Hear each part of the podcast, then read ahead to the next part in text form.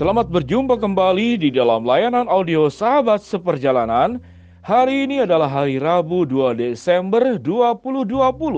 Tema saat teduh dan renungan yang kita akan pelajari hari ini dengan tema mengatasi kekecewaan.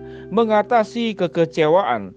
Firman Tuhan terambil dalam Yeremia pasal yang ke-29 ayat yang ke-11. Demikian bunyi firman Tuhan sebab aku ini mengetahui rancangan-rancangan apa yang ada padaku mengenai kamu. Demikianlah firman Tuhan, yaitu rancangan damai sejahtera dan bukan rancangan kecelakaan untuk memberikan kepadamu hari depan yang penuh harapan. Mari kita berdoa.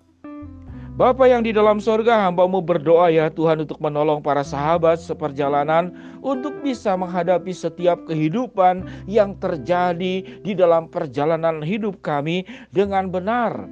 Sehingga ada banyak hal yang sesungguhnya tidak perlu membuat kami kecewa, namun membuat kami belajar menjadi semakin baju di dalam setiap langkah kehidupan kami. Di dalam nama Tuhan Yesus kami berdoa. Amin. Sahabat seperjalanan, berapa kali dalam hidupmu engkau berkata, "Aku kecewa"? Kecewa kepada pribadi orang tertentu, kecewa kepada keadaan tertentu, atau kecewa kepada dirimu sendiri, atau engkau kecewa kepada Tuhan. Yang menjadi sebuah pertanyaan, apakah kecewa memiliki manfaat? Kalau kecewa memiliki manfaat yang baik, maka kecewa sesungguhnya akan membawa kita akan menjadi lebih baik dalam kehidupan ini. Sahabat seperjalanan yang dikasih Tuhan, sewaktu saya mencoba untuk mempelajari apakah ada manfaat dari kecewa, semakin saya mencari manfaat daripada kekecewaan yang terjadi, yang dilihat, yang terselidiki adalah justru eh, ketidakmanfaatan atau kerugian daripada kekecewaan yang dialami. Sahabat seperjalanan yang dikasih Tuhan, apa kerugian daripada kekecewaan yang dialami? Maka kita sedang menumpuk berbagai macam hal-hal negatif di dalam hati, pikiran, dan kehidupan kita. Adakah kecewa yang kemudian membawa kebaikan? Menjadikan itu sebuah pelajaran tentu, namun tatkala kecewa itu dibiarkan merasuk dalam kehidupan kita semakin mendalam, maka akan merusak kita. Ada beberapa hal yang kita perlu pelajari. Jangan-jangan kalau kecewa itu sesungguhnya adalah tanda keegoisan kita. Jadi orang yang biasanya meminta sesuatu, berharap sesuatu, memiliki ekspektasi yang tinggi, lalu tidak terpenuhi, lalu kita kecewa. Sesungguhnya yang kau kecewakan adalah karena itu bersangkut paut dengan kepentinganmu semata. Orang yang kecewa juga adalah tandanya apa? Tanda orang yang tidak sabar. Tidak sabar. Coba kalau Anda uh, yang ibu-ibu buat kue atau masak, kalau tidak sabar. Saya sendiri adalah seorang yang masak karena saya memberikan masak untuk anak-anak asuh saya yang sebelum uh, Covid itu setiap hari buat 30 anak. Saya baru sadar bahwa untuk memasak ayam itu perlu direbus dulu, khususnya untuk ayam yang di bagian uh, dekat paha ayam. Itu biasanya kalau sudah dimasak digoreng Kadang-kadang dalamnya itu seperti masih ada darah-darah merah-merahnya. Nah, bagaimana kemudian menemukan itu? Setelah dimasak, rasanya di luarnya goreng renyah, ya dibuat menjadi crispy, dikasih tepung, dikasih telur. Ternyata di dalamnya masih merah.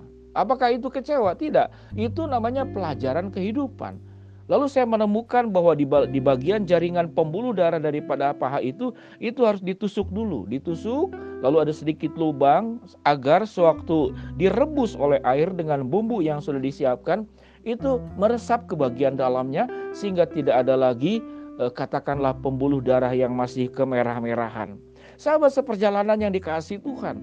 Jadi kalau kecewa itu biasanya kita hanya berhenti pada kecewa kita tidak berangkat lebih maju kepada pembelajaran apa yang harus kami pelajari tatkala menghadapi hal-hal yang mengecewakan kita. Kecewa itu bisa tanda egois, kecewa juga satu bentuk tanda tidak sabar, seperti saya punya pengalaman memasak. Kecewa juga jangan-jangan bentuk daripada keserakahan. Karena kita ingin memiliki lebih, lalu kita tidak pernah merasakan puas dengan apa yang kita dapatkan, yang apa kita miliki, itu keserakahan. Ada orang kecewa, kenapa anak saya laki-laki semua? Ada satu keluarga itu anaknya laki-laki semua. Tapi saya tidak mengatakan dia kecewa. Tapi kalau ingin kecewa tentu dia akan kecewa. Kalau itu dicari-cari itu dipermasalahkan sebagai kekecewaan. Anak satu laki-laki, yang kedua laki-laki, sampai anaknya lima laki-laki. Engkau tidak mengerti, ada orang yang kemudian anaknya lima perempuan semua, dan dia ingin laki-laki. Engkau anaknya laki-laki semua, dan ingin anak perempuan.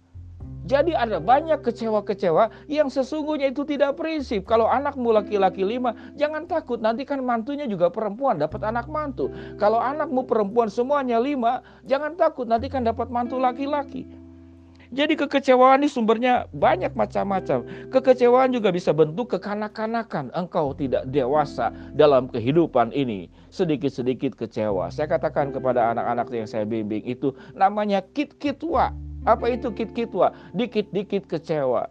Ya, kit-kit mel. Apa itu kit-kit mel? Dikit-dikit ngomel. Kit-kit rah apa? Dikit-dikit marah. Dikit-dikit ngedumel. Itu penyakit kit-kit.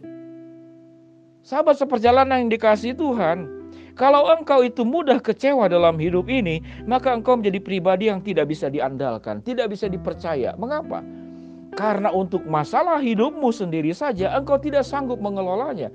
Bagaimana mungkin engkau bisa mengelola kehidupan orang lain? Bagaimana mungkin engkau, orang, engkau bisa memimpin orang lain sementara engkau memimpin dirimu sendiri, engkau tidak sanggup. Kekecewaan juga membuat engkau itu tidak berjalan maju, engkau berjalan di tempat, bahkan engkau mundur ke belakang. Dan juga kalau engkau terlalu sering kecewa, engkau juga menunjukkan tidak percaya kepada rencana Allah. Bukankah dalam Yeremia 29 ayat 11 dikatakan apa? Sebab aku mengetahui rancangan-rancangan apa yang ada padaku mengenai kamu. Demikianlah firman Tuhan, yaitu rancangan damai sejahtera dan bukan rancangan kecelakaan untuk memberikan kepadamu hari depan yang penuh dengan harapan. Setiap persoalan yang tidak sesuai dengan keinginan kita, harapan kita, kemauan kita, Alkitab mengatakan itu adalah rancangan damai sejahtera yang engkau belum rasakan saat sekarang. Karena kenapa? Hari depan yang penuh dengan harapan itu tidak serta-merta terjadi saat ini juga seperti engkau mengedipkan mata, seperti engkau membuka mulutmu atau membuka telapak tanganmu, lalu semuanya didapat. Tidak demikian. Allah adalah Allah yang menghendaki setiap anak-anaknya berproses di dalam setiap masalah kehidupan. Saya memahami engkau bisa kecewa, mungkin dihianati, engkau ditipu, engkau dibohongi, engkau diperlakukan tidak adil. Eh, ada orang berjanji namun tidak tepat janji.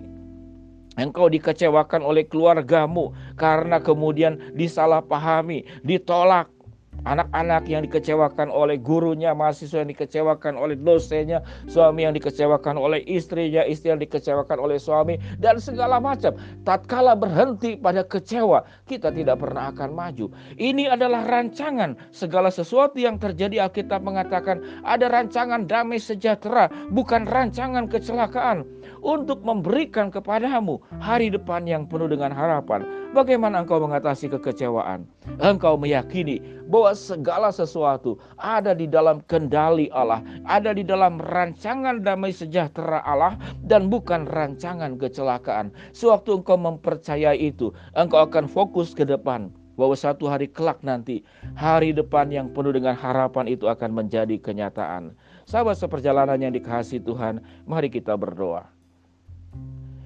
Bapak yang di dalam sorga hambamu berdoa buat sahabat seperjalanan yang sedang menghadapi sakit penyakit baik di rumah sakit maupun di rumah Tuhan jamah Tuhan sembuhkan buat sahabat seperjalanan yang sedang menghadapi kendala kesulitan masalah dan kehidupan di dalam segala persoalan yang ada Tuhan bukakan jalan bagi sahabat seperjalanan yang memohon sesuatu. Biarlah ya Tuhan Engkau akan kabulkan sesuai dengan waktu, rencana dan juga kehendakmu. Ajar kami ya Tuhan untuk tidak kecewa untuk hal-hal yang tidak penting. Sekalipun itu perkara yang berat, kami perih, kami pedih, kami sakit, kami tidak bisa menerima kenyataan tersebut. Namun kami percaya bahwa segala apa yang terjadi dalam kehidupan kami sebagaimana firman-Mu katakan itu adalah rancangan damai sejahtera dan bukan rancangan kecelakaan untuk memberikan kepada kami hari depan yang penuh dengan harapan. Dalam nama Tuhan Yesus kami berdoa. Amin. Shalom sahabat seperjalanan, selamat beraktivitas, tetap sehat, sukses selalu. Tuhan memberkati kita semua. Amin.